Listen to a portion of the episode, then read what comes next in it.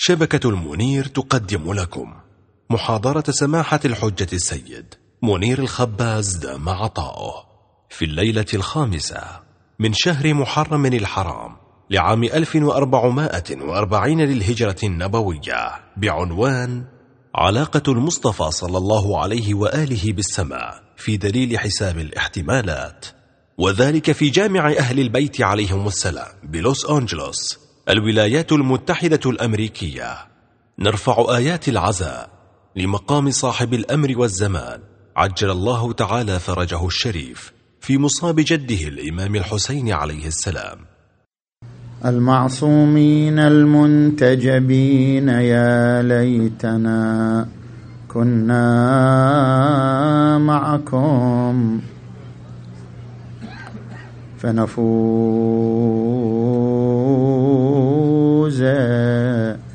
فوزا عظيما.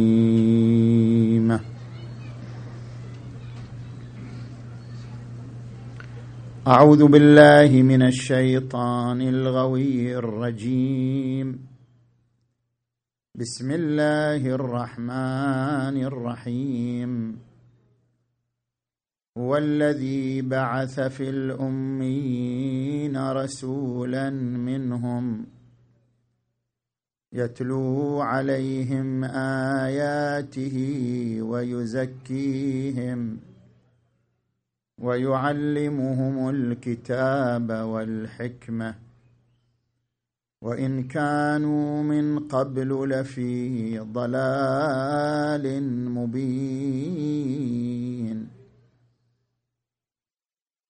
آمنا بالله صدق الله العلي العظيم.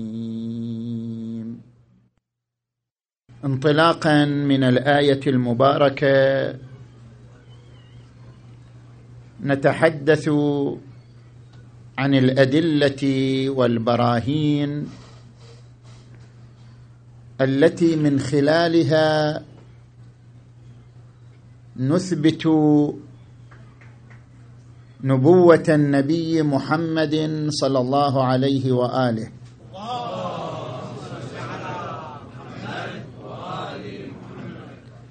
فنتعرض هذه الليلة لثلاثة أنواع من الأدلة.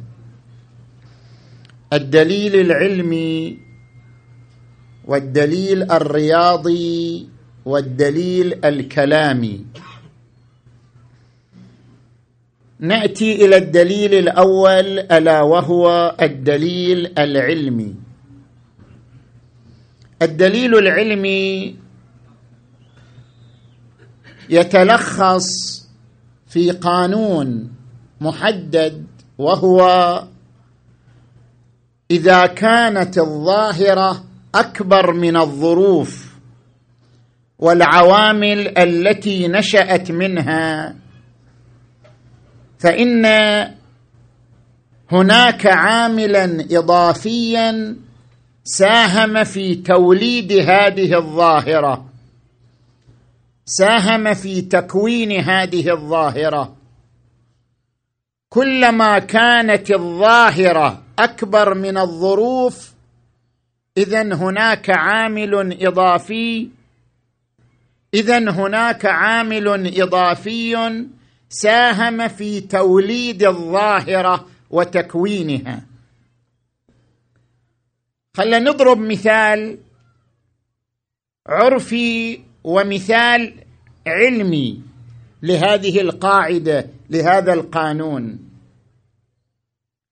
المثال العرفي المثال العرفي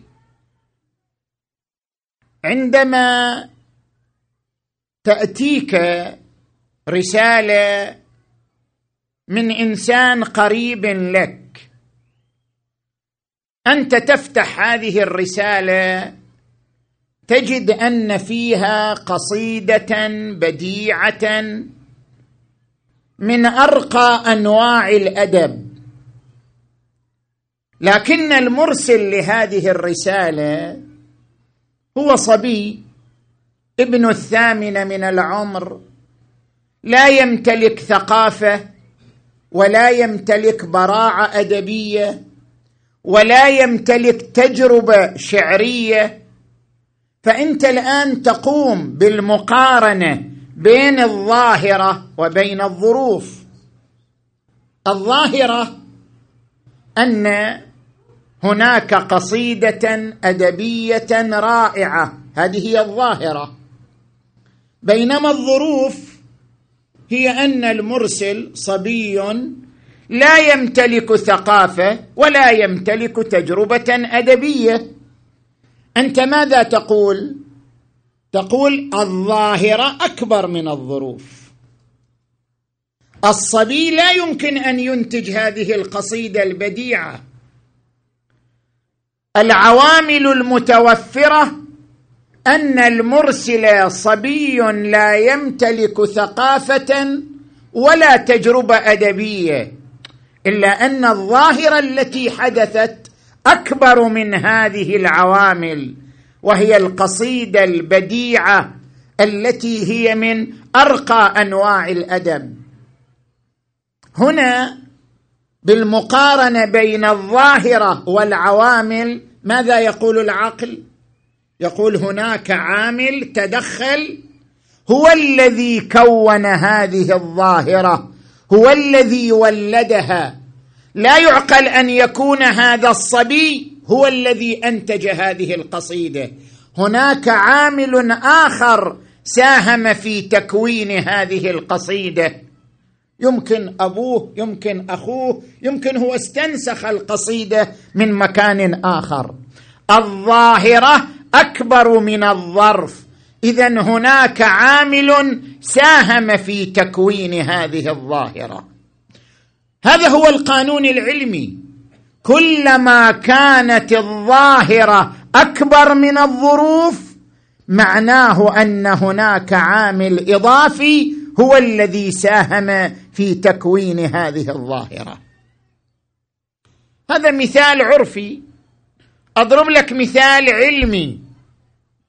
كيف اكتشف الالكترون كيف تم اكتشافه؟ أخذوا أنبوبة وضعوا في الأنبوبة نوعا من الأشعة وجعلوا الأنبوبة مغلقة. ثم جعلوا في وسط الأنبوبة قطعة من المغناطيس بشكل نعل الفرس. وجدوا أن الأشعة في داخل الأنبوبة المغلقة تنجذب إلى الجانب الموجب من قطعة المغناطيس. هناك انجذاب.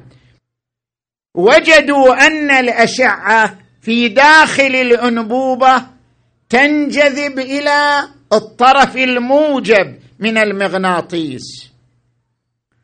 رأوا عدم انسجام بين الظاهرة وبين الظرف. الظاهرة أن الأشعة تنجذب إلى المغناطيس. بينما علميا المغناطيس لا يجذب أشعة المغناطيس يجذب أجسام. كيف انجذبت الأشعة إلى الطرف الموجب من المغناطيس مع أن المغناطيس لا يجذب أشعة وإنما يجذب أجساما؟ اذا العملية فيها لغز آخر. ما دامت الظاهرة لا تنسجم مع الظرف الظاهرة هي الانجذاب والظرف هو أشعة والأشعة لا تنجذب. اذا هناك عامل خفي تدخل وساهم في تكوين هذا الانجذاب. ما هو ذلك العامل الخفي؟ قاموا بالتحليل. وجدوا أن هذا النوع من الأشعة يحتوي على أجسام دقيقة هي التي انجذبت إلى المغناطيس لا نفس الأشعة. اذا هذا عندك قانون علمي.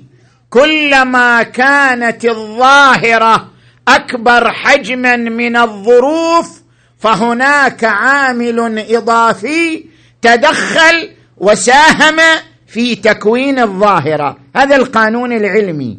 طيب هذا القانون العلمي نريد أن نطبقه الآن على نبوة النبي محمد.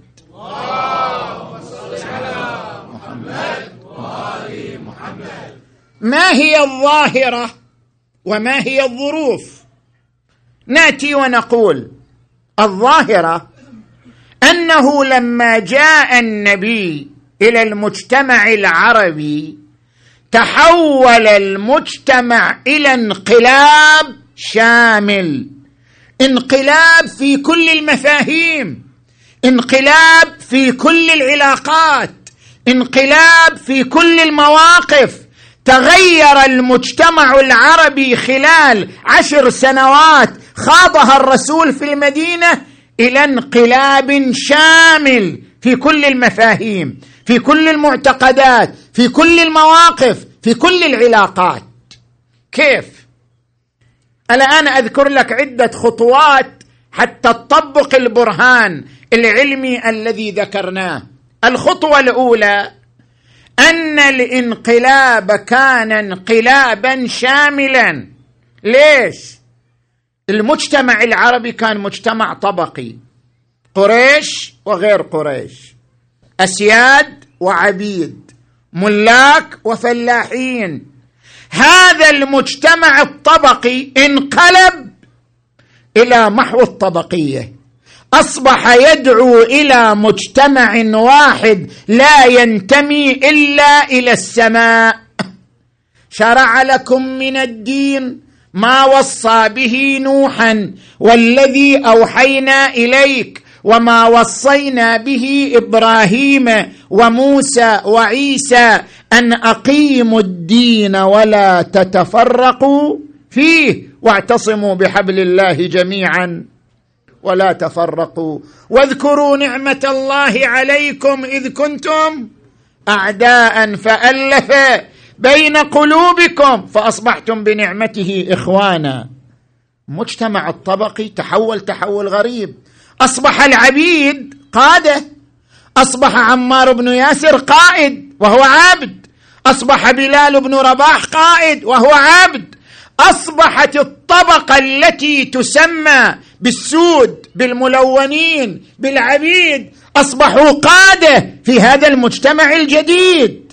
ما الذي حول المجتمع الطبقي خلال عشر سنوات إلى مجتمع آخر معاكس تماما؟ ظاهرة غير طبيعية. هذه اولا.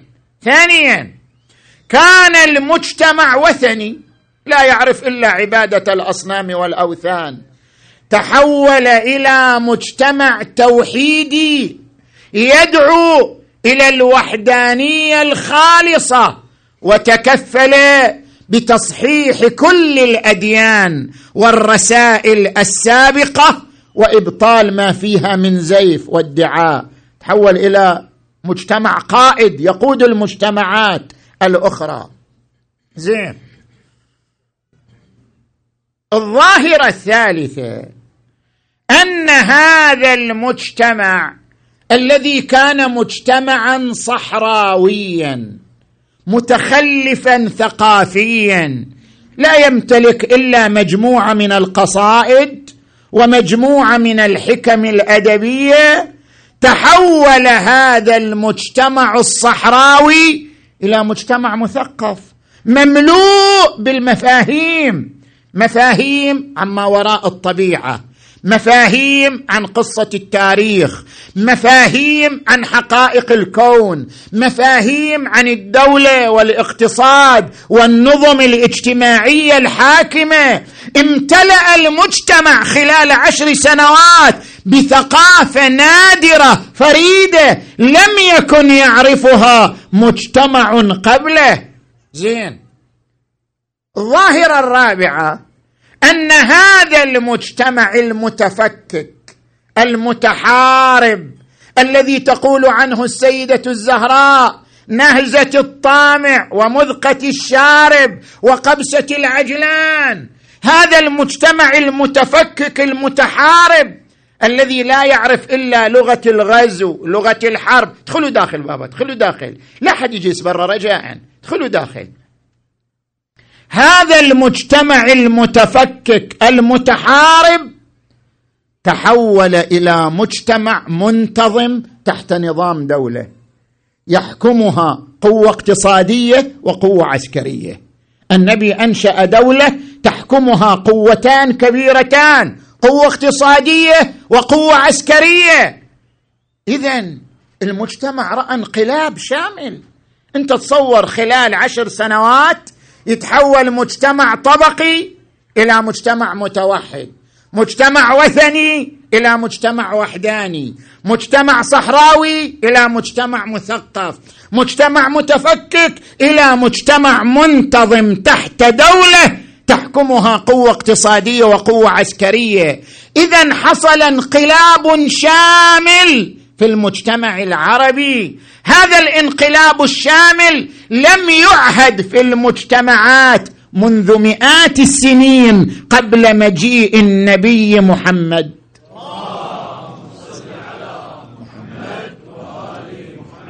طيب هذه الخطوة الأولى. الخطوة الثانية من يجي العقل يقارن بين الظاهرة وبين الظروف؟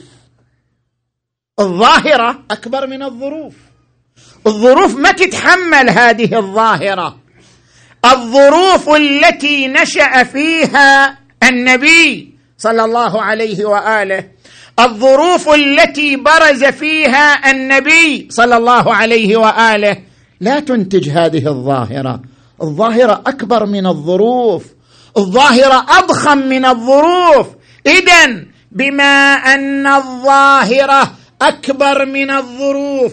أكبر من العوامل أضخم حجما من الظروف الموضوعية التي كان يعيشها المجتمع العربي. اذا هذا دليل على أن هناك شيء آخر عامل إضافي عامل خفي. وإلا هذه الظروف لا تنتج هذه الظاهرة. أشرح لك بدقة أكثر. أي انقلاب أي انقلاب في أي مجتمع. افترض المجتمع الأوروبي بعد الثورة وقبل الثورة. أي انقلاب في أي مجتمع لا يحدث فجأة واحدة وإنما يحدث بشكل تدريجي. الانقلاب يبدأ ببذور بذور تطويرية تحصل متفرقة ثم تجتمع هذه البذور وتتلاقى وتتحول إلى تيار.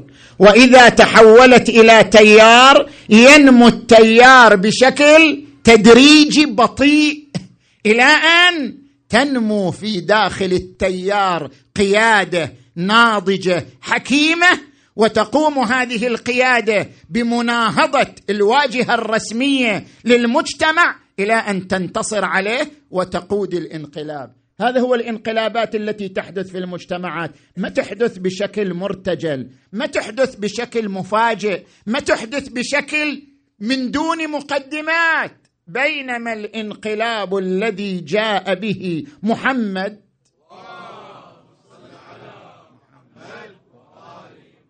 لم يكن جزءا من تيار.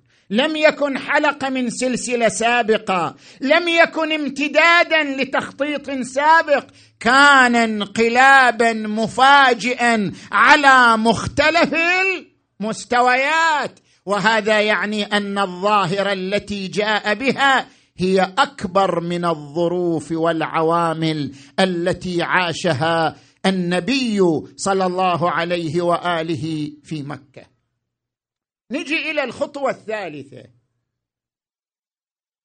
إذا اجتمعت القيادات في شخص واحد هل هذا أمر طبيعي أو أمر استثنائي؟ طبعا أمر استثنائي. أن يكون شخص واحد هو القيادة الفكرية هو القيادة التنظيرية هو القيادة التنفيذية هو القيادة القضائية هو القيادة العسكرية هو القيادة الإدارية. اجتماع القيادات كلها في شخص واحد لا تتيسر لإنسان طبيعي ما لم يخضع مدة طويلة لتجربة ثقافية وتدريب إداري وتدريب عسكري إلى أن يستطيع أن يجمع القيادات كلها في شخصه واحدا. بينما النبي من دون أن يخضع لتدريب سابق. النبي ماذا كان في الجاهلية؟ كان يشتغل في تجارة خديجة وأحيانا في تجارة عمه أبي طالب. يقول عنه القرآن الكريم وما كنت تتلو من قبله من كتاب ولا تخطه بيمينك. اذا لارتاب المبطلون. رجل أمي مشغول بالتجارة. لم يخض لم يخض تجربة ثقافية. لم يخض ميدان أدبي. لم يخض ميدان شعري. فجأة جاء بمجموعة من القيادات. في مرة واحدة دفعة واحدة قيادة فكرية. قيادة تنظيرية قيادة إدارية قيادة عسكرية قيادة قضائية. جمع القيادات في شخصية واحدة من دون تأهيل سابق من دون إعداد سابق. هذا يدل على ماذا؟ يدل على أن الظاهر أكبر من الظروف. رجعنا إلى القانون العلمي مرة أخرى. كلما كانت الظاهرة أكبر من الظروف كشفت لنا عن وجود عامل آخر تدخل في بناء الظاهرة. هذه الظاهرة التي جاء بها النبي محمد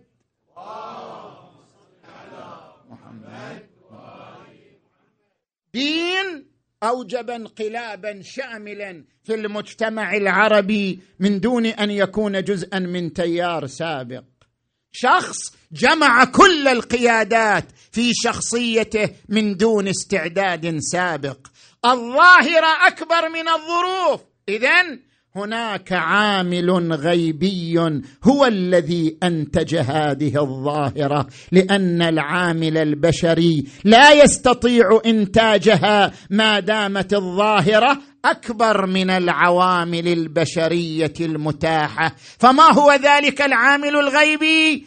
إن لقد بعثنا في الأميين رسولا منهم يتلو عليهم آياته ويزكيهم وما ينطق عن الهوى إن هو إلا وحي يوحى. اذا هناك نبوة اذا هناك عامل غيبي وإلا فالظاهرة أكبر من الظروف والعوامل. لا يمكن أن تنتج هذه الظروف هذه الظاهرة.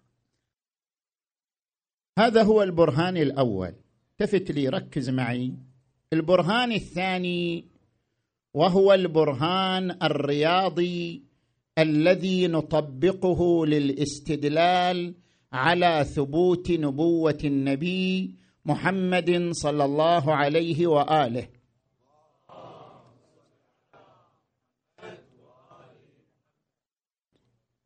البرهان الثاني وهو البرهان الرياضي المعبر عنه بدليل حساب الاحتمالات أيضا.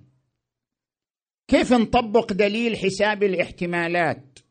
وهو دليل رياضي يطبق في سائر العلوم وسائر المجالات. السيد الشهيد السيد محمد باقر الصدر قدس سره هو الذي أقام بنود هذا الدليل في كتابه الأسس المنطقية للاستقراء وطبقه في مجال إثبات الخالق وإثبات النبوة وإثبات الإمامة. عندما نريد أن نقوم بتطبيق هذا الدليل لاحظوا معي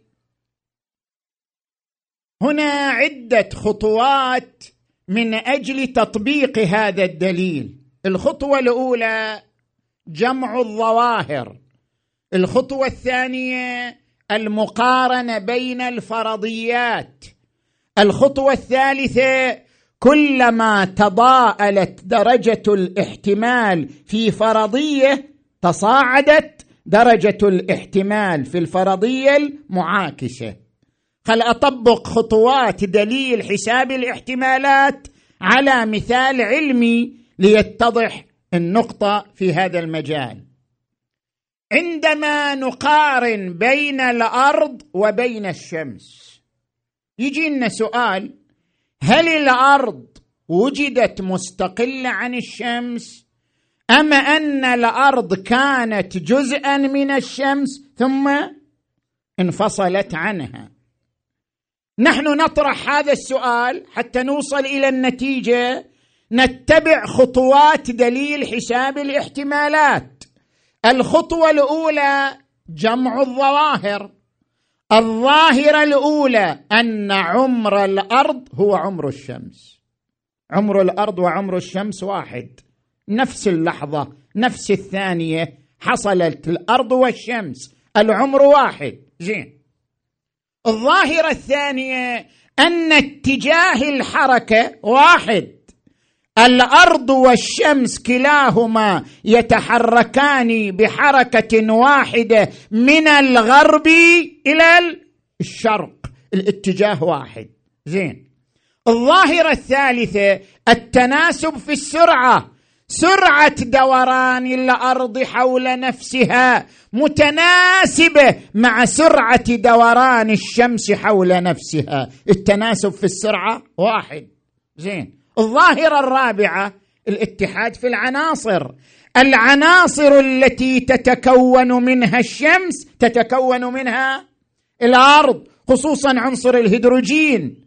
اذا عندما نجمع هذه الظواهر العمر واحد الاتجاه واحد تناسب السرعة واحد العناصر واحدة. عندما نجمع هذه الظواهر هذه الخطوة الأولى نجي إلى الخطوة الثانية. عندنا فرضيتان. إما أن الأرض مستقلة إما أن الأرض جزء من الشمس. الفرضية الأولى لا تصلح لتفسير الظواهر. كون العمر واحد والاتجاه واحد والسرعة واحدة والعناصر واحدة. فرضية الاستقلال لا تصلح تفسيرا لهذه الظواهر. كونها مستقلة ومع ذلك اتحدت مع الشمس في كل هذه الظواهر هذا احتمال شنو؟ بعيد جدا.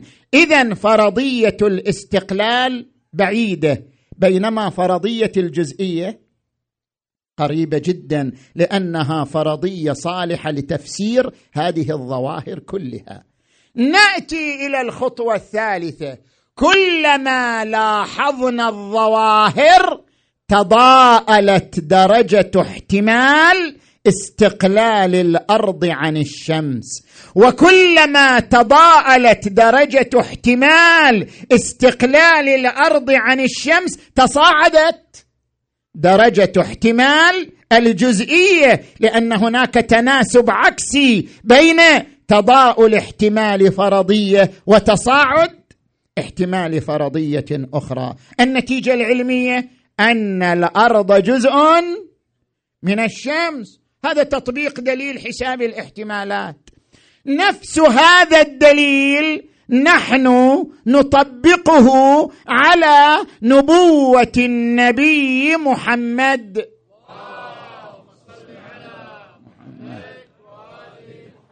كيف؟ نجي إلى الخطوة الأولى خلينا نجمع ظواهر. مثل ما جمعنا هناك ظواهر هنا نجمع ظواهر. خلينا نجمع ظواهر. عندنا أربع ظواهر استثنائية في موضوع النبي.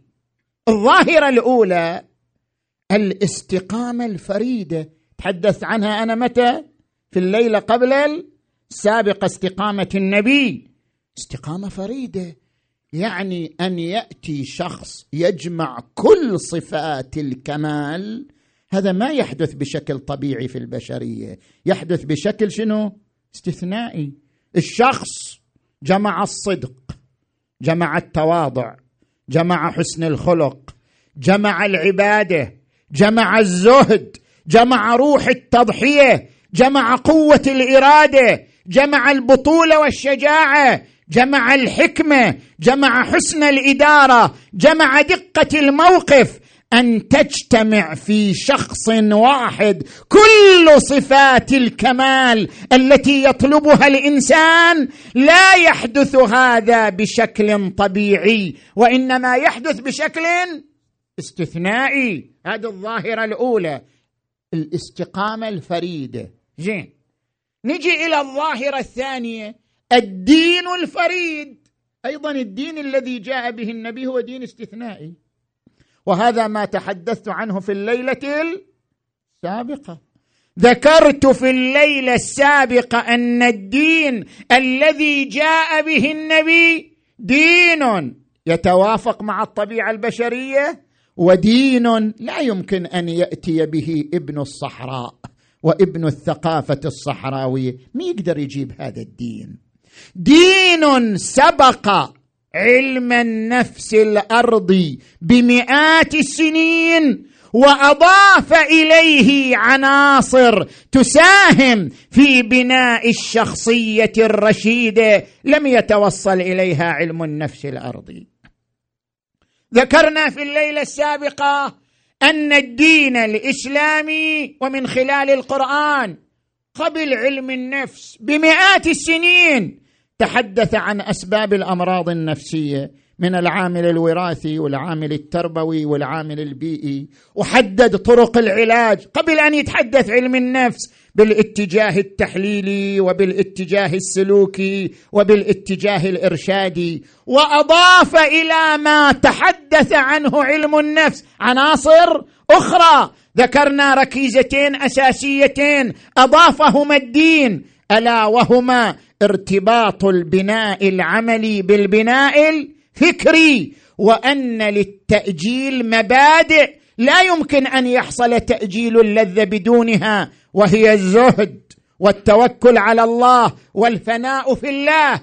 أيضا الدين الإسلامي أوجد نظرية للمجتمع الرشيد ما أمكنني الليلة السابقة أتحدث عنها.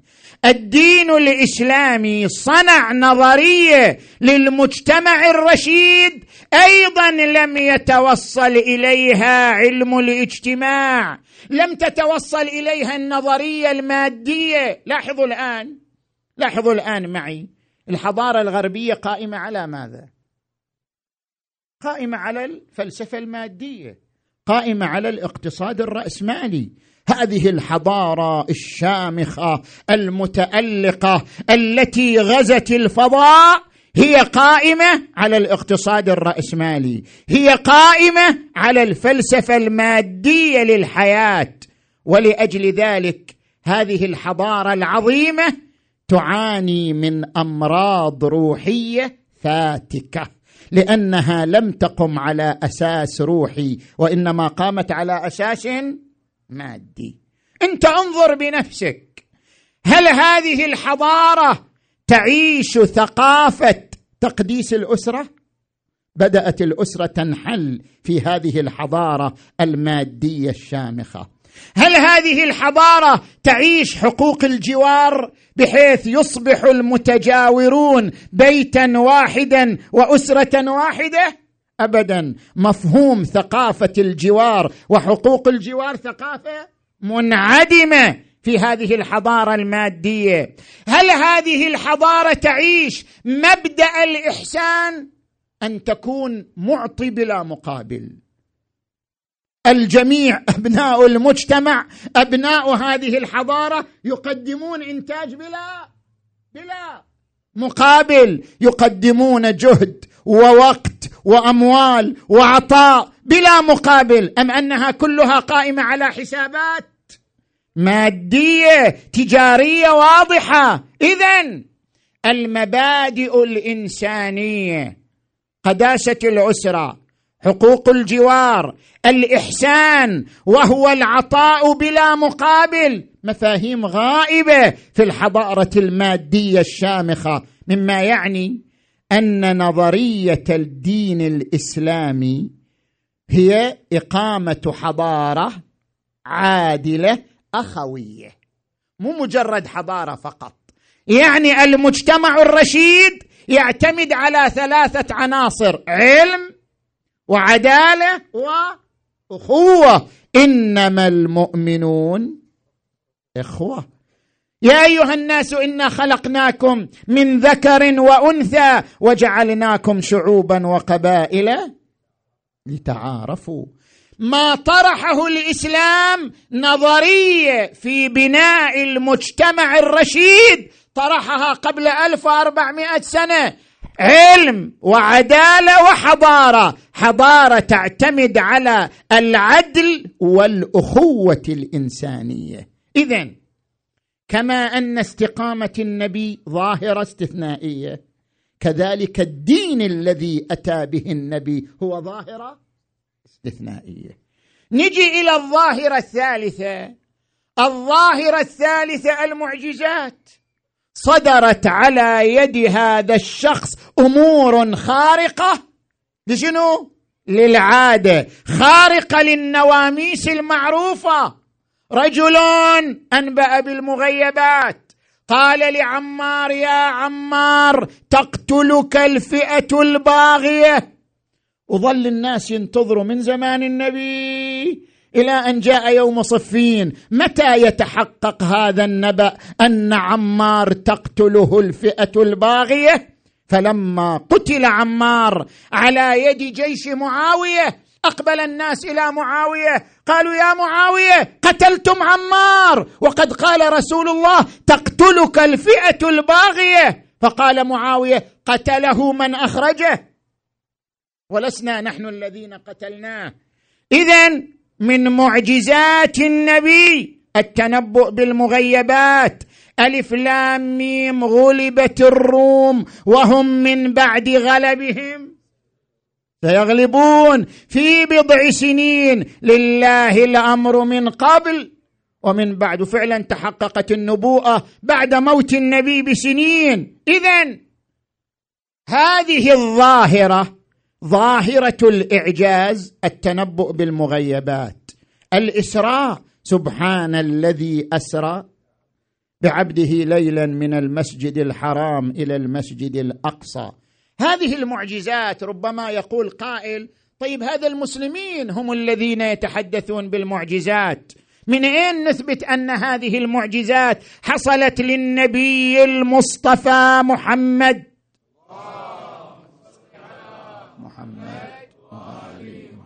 التفت لي لهذه النقطة.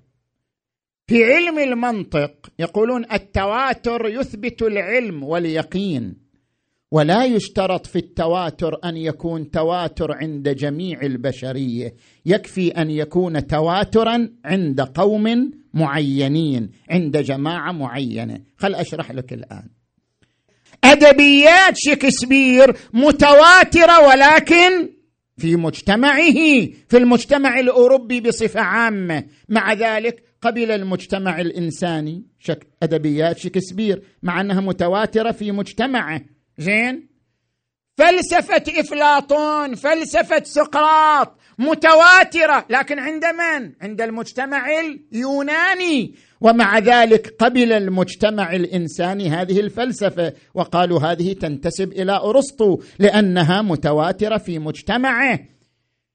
كرم حاتم الطائي شجاعة علي بن أبي طالب أمر متواتر عند العرب ومع ذلك قبله المجتمع الإنساني. اذا المجتمع الإنساني يقبل القضايا المتواترة وإن كانت متواترة عند جماعة معينة وليست متواترة عند جميع البشرية. فكما قبل المجتمع الانساني أدبيات شكسبير وكرم حاتم الطائي وفلسفة إفلاطون كذلك يقبل المجتمع الانساني صدور المعجزات على يد النبي محمد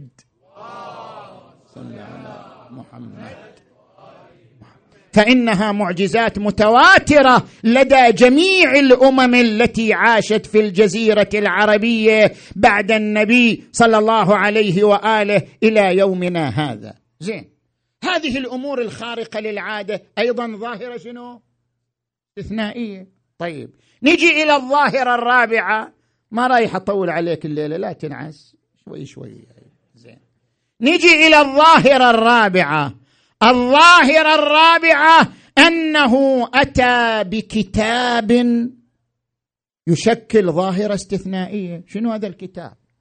كتاب يتحدث عن قصة البشرية من يوم آدم إلى يوم النبي صلى الله عليه وآله. كتاب أتى بتشريعات في العبادات في المعاملات في المواريث في القضاء. لم يسبقه كتاب في مجال هذه التشريعات. كتاب تحدث عن الحقائق الكونية قبل أن يكتشفها العلم بمئات السنين.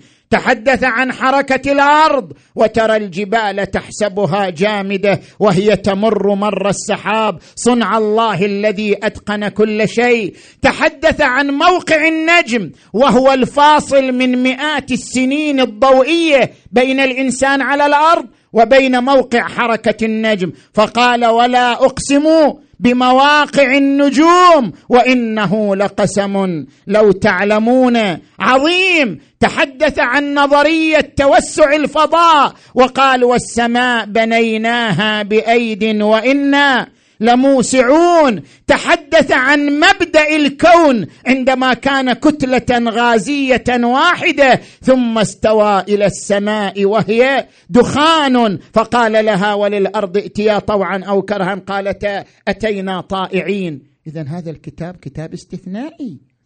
عندما نجمع هالظواهر كلها خليك وياي كلها ظواهر شنو؟ استثنائية. الاستقامة للنبي ظاهرة استثنائية. الدين الذي أتى به ظاهرة استثنائية. المعجزات التي ظهرت على يده ظاهرة استثنائية. الكتاب الذي أتى به ظاهرة استثنائية. عندما نلاحظ مجموع هذه الظواهر الاستثنائية التي ليست طبيعية نجي إلى الخطوة الثانية. أمامنا فرضيتان. إما أن تكون هذه الظواهر صناعه بشرية أو صناعه سماوية. هي ظواهر استثنائية. فإما أن تكون صناعه بشرية النبي هو اللي اختلقها. وإما أن تكون صناعة إلهية سماوية. أي الاحتمالين صالح لتفسير تلك الظواهر؟ من الطبيعي الاحتمال والفرضية الصالحة لتفسير كل تلك الظواهر الاستثنائية أن ما جاء به النبي صلى الله عليه وآله صناعة إلهية لا صناعة بشرية. اذا الخطوة الثالثة تقول كلما تضاءل احتمال الصناعة البشرية تصاعد احتمال الصناعة السماوية إلى أن تكون هذه هي النتيجة العلمية لتطبيق دليل حساب الاحتمالات على نبوة النبي محمد.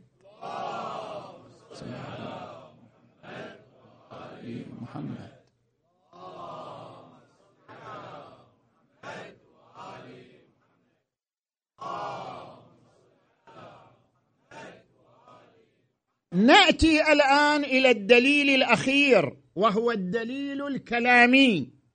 ذكرنا الدليل العلمي ذكرنا الدليل الرياضي.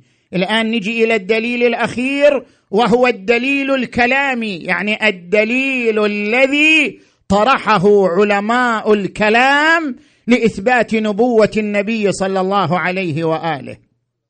هذا الدليل يتكون من خطوتين. الخطوة الأولى أن إقامة المعجزة تصديق للنبوة.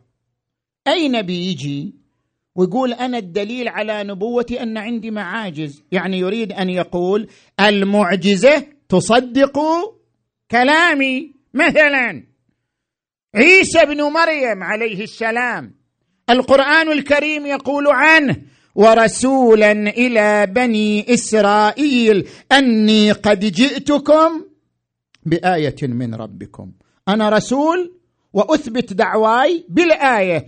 أني قد جئتكم بآية من ربكم. أني أبرئ الأكمه والأبرص وأحيي الموتى بإذن الله وأنبئكم بما تدخرون في بيوتكم بما تأكلون وما تدخرون في بيوتكم. أي نبي يأتي بمعجزة؟ والمعجزة دليل على صدقه. هذه لا بد أن نلحظها كخطوة أولى. المعجزة تصديق للنبي. فإذا قام الله وأعطى هذا المدعي المعجزة. فإعطاء المعجزة للمدعي تصديق شنو؟ من الله لدعواه. إذا هو يدعي النبوة ويقول أنا دليلي على نبوتي أنني أجيكم بمعجزة آتيكم بمعجزة. ومع ذلك الله يقوم ويعطيه المعجزة التي يدعيها. اذا إعطاء المعجزه من الله بيد من يدعي النبوة تصديق من الله لذلك المدعي. هذه الخطوة الأولى. الخطوة الثانية. هل يمكن تصديق الكاذب؟ هل يمكن لله أن يصدق إنسانا كاذبا؟ تصديق الإنسان الكاذب قبيح والقبيح لا يصدر من الحكيم المطلق. الكذب لا يصدر من الحسن المطلق من الكمال المطلق. وبما أن الله كمال مطلق. وبما أن الله حسن مطلق. وبما أن الله جمال مطلق. فلا يصدر منه القبيح. وبما أنه لا يصدر منه القبيح اذا لا يصدر منه تصديق شخص كاذب. فمتى أعطى المعجزة لشخص؟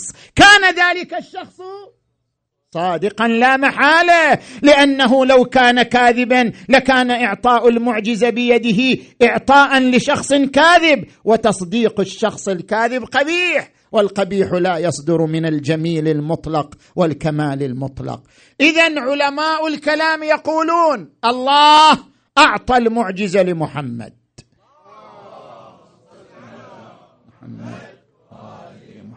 فلو كان محمد والعياذ بالله كاذبا لكان إعطاء المعجزة له قبيحا والقبيح لا يصدر من الله لأن إعطاء المعجزة تصديق وتصديق الكاذب قبيح.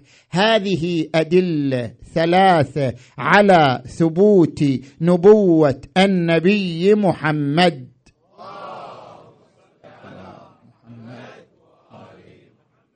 محمد خليفة الله في أرضه.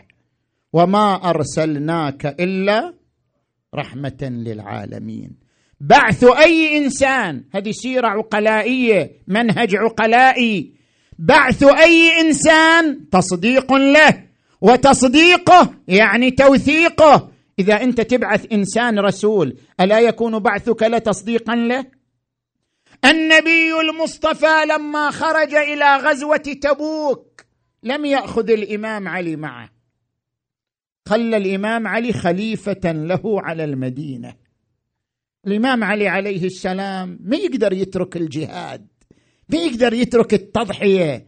يعز عليه أن يبقى في المدينة والمسلمون يخرجون إلى المعركة. فخرج وراء الرسول صلى الله عليه وآله قال يا رسول الله خلفتني مع النساء والصبيان وخرجت مع الرجال. قال يا علي أما ترضى أن تكون مني بمنزلتي؟ هارون من موسى إلا أنه لا نبي بعدي. الرسول خلف عليا على المدينة. هذا الاستخلاف تصديق لعلي وتوثيق لعلي. الاستخلاف والبعث دليل على التصديق والتوثيق.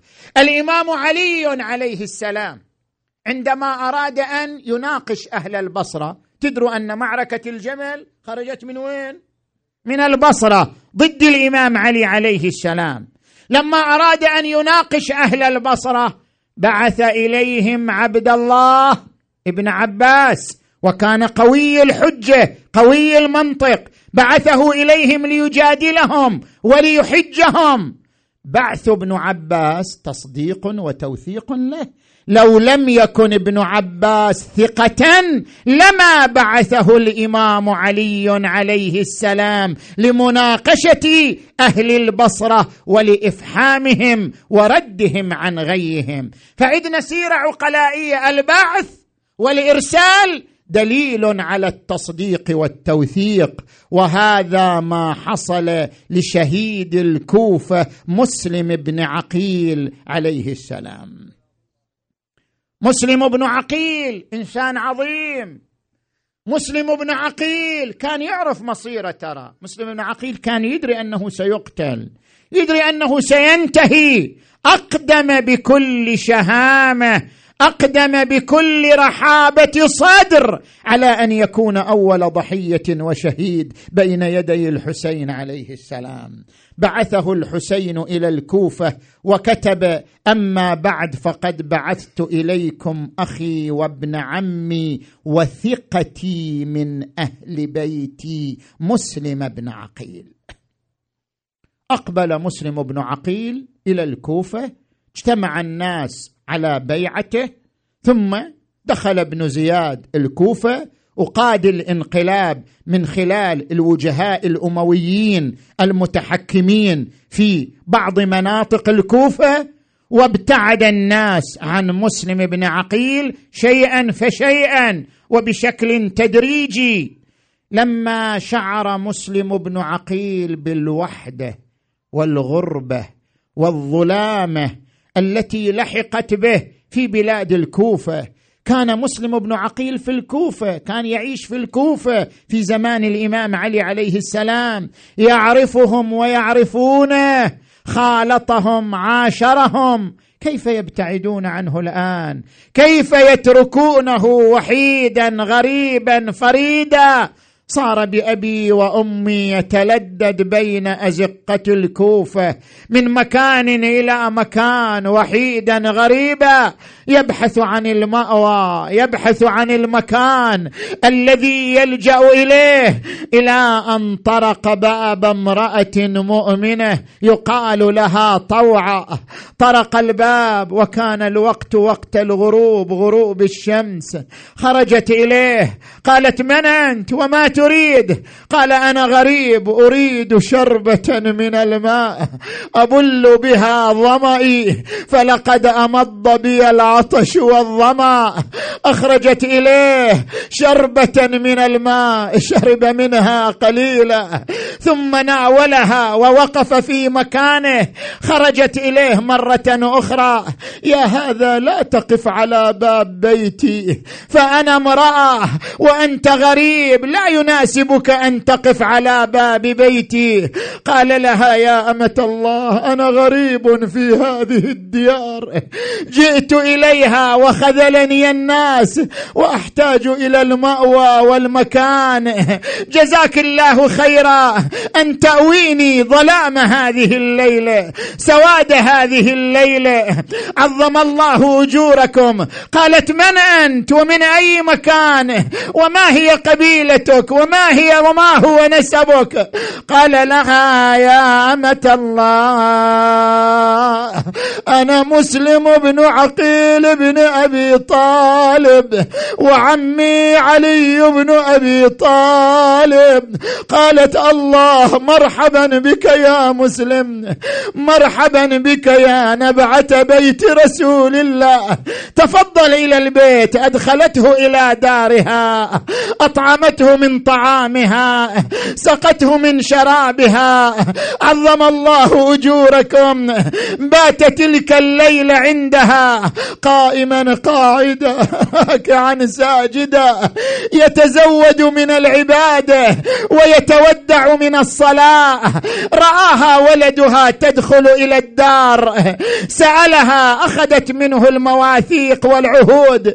إلى أن أخبرته قالت هذا الغريب مسلم. Salem هذا المظلوم مسلم بن عقيل. عندي في داخل الدار. الله أكبر. ما أصبح الصباح إلا وقد ذهب ولدها الخائن. أخبر عبيد الله بن زياد بمكانه. عظم الله أجوركم. فما أحس مسلم بن عقيل إلا بوقع حوافر الخيول. قد أحاطت بالدار من كل جانب ومكان. قام بأبي وأمي مصلتا سيفه رابطا الحزام على بطنه. خرج من الدار استقبلهم بقتاله المستميت. أقسمت لا أقتل إلا حرا وإن رأيت الموت شيئا نكرا. أخاف أن أكذب أو اغرى عظم الله أجوركم حتى قتل منهم مقتلة عظيمة. فقالوا احفروا له حفيرا حتى يقع فيها ونتمكن من قتله. حفروا له الحفيرا واجتمعوا عليه من كل مكان. وقالوا لك الأمان يا مسلم إن سلمت سيفك لنا واذعنت للأمير قال لا أمان لكم يا أهل الكوفة غدرتم بأمير المؤمنين من قبلي واليوم تغدرون بالحسين أبي عبد الله. عظم الله أجوركم هذا وهو يقاتلهم إلى أن أوقعوه في الحفيرة واجتمعوا عليه من كل مكان يضربونه بسيوفهم ويطؤونه بأنعالهم إلى أن وقع أسيرا بين أيديهم. قال هذا أول غدركم. ثم أخذوه مقيدا إلى عبيد الله بن زياد. إلى أن دخل على عبيد الله بن زياد وهو يبكي. قالوا ما يبكيك يا مسلم؟ وأنت الذي طلبت المواجهة والقتال. قال والله ما بكيت لنفسي. أبكي لأهلي المقبلين أبكي لحسين. وعالي الحسين ثم أدخلوه على عبيد الله ابن زياد فلم يسلم عليه بالإمارة. قالوا لم لم تسلم على الأمير بالإمارة؟ قال لا والله ما هو لي بأمير؟ أميري حسين ونعمل أميري حسين ونعم الأمير. سرور فؤاد البشير النذير. له طلعة مثل شمس الضحى. له غرة مثل بدر منير. قال سلم أم لم يسلم؟ هو مقتول لا محالة. خذوه إلى أعلى القصر واضربوا عنقه. عظم الله أجوركم. سحبوه إلى أعلى القصر. لما وصلوا به إليه قال أمهلوني دقيقة حتى أصلي ركعتين. وقف بأبي وأمي يصلي فلما فرغ من صلاته توجه إلى المدينة توجه إلى أبي عبد الله. أنت توجه وياه إلى الحسين أنت توجه وياه إلى قبر الحسين أنت بقلبك توجه إلى كربلاء. السلام عليك. يا أبا عبد الله السلام عليك يا ابن رسول الله. إن القوم ظلموني وغدروا بي ويريدون قتلي. فإذا وصلك سلامي هذا فلا تقدم عليهم. عظم الله أجوركم ما أتم كلامه. وإذا بالسيف يقع على رأسه. وخر صريعا على الأرض. وصلت كلماته للحسين. قام الحسين بأبي وأمي أحضر حميده وهي طفلة صغيرة لمسلم بن عقيل. جاء بها الحسين صار يمسح على رأسها. ويضمها إلى صدره. قالت أبا عبد الله ما عودتني أن تمسح رأسي. كما تمسح على رؤوس اليتامى هل حصل بوالدي سوء. قال عظم الله لك الأجر فلقد قتل مسلم.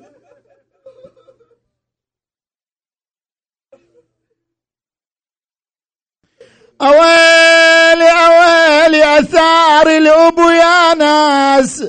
خيمة خيمة وظلل على أولاده وحريمه يا, يا والدي والله هضيمة هضيمة أنا أعيش من زغري. يتيمة يتيمة أثار الأبو يا ناس خامة وظلل على أولاده.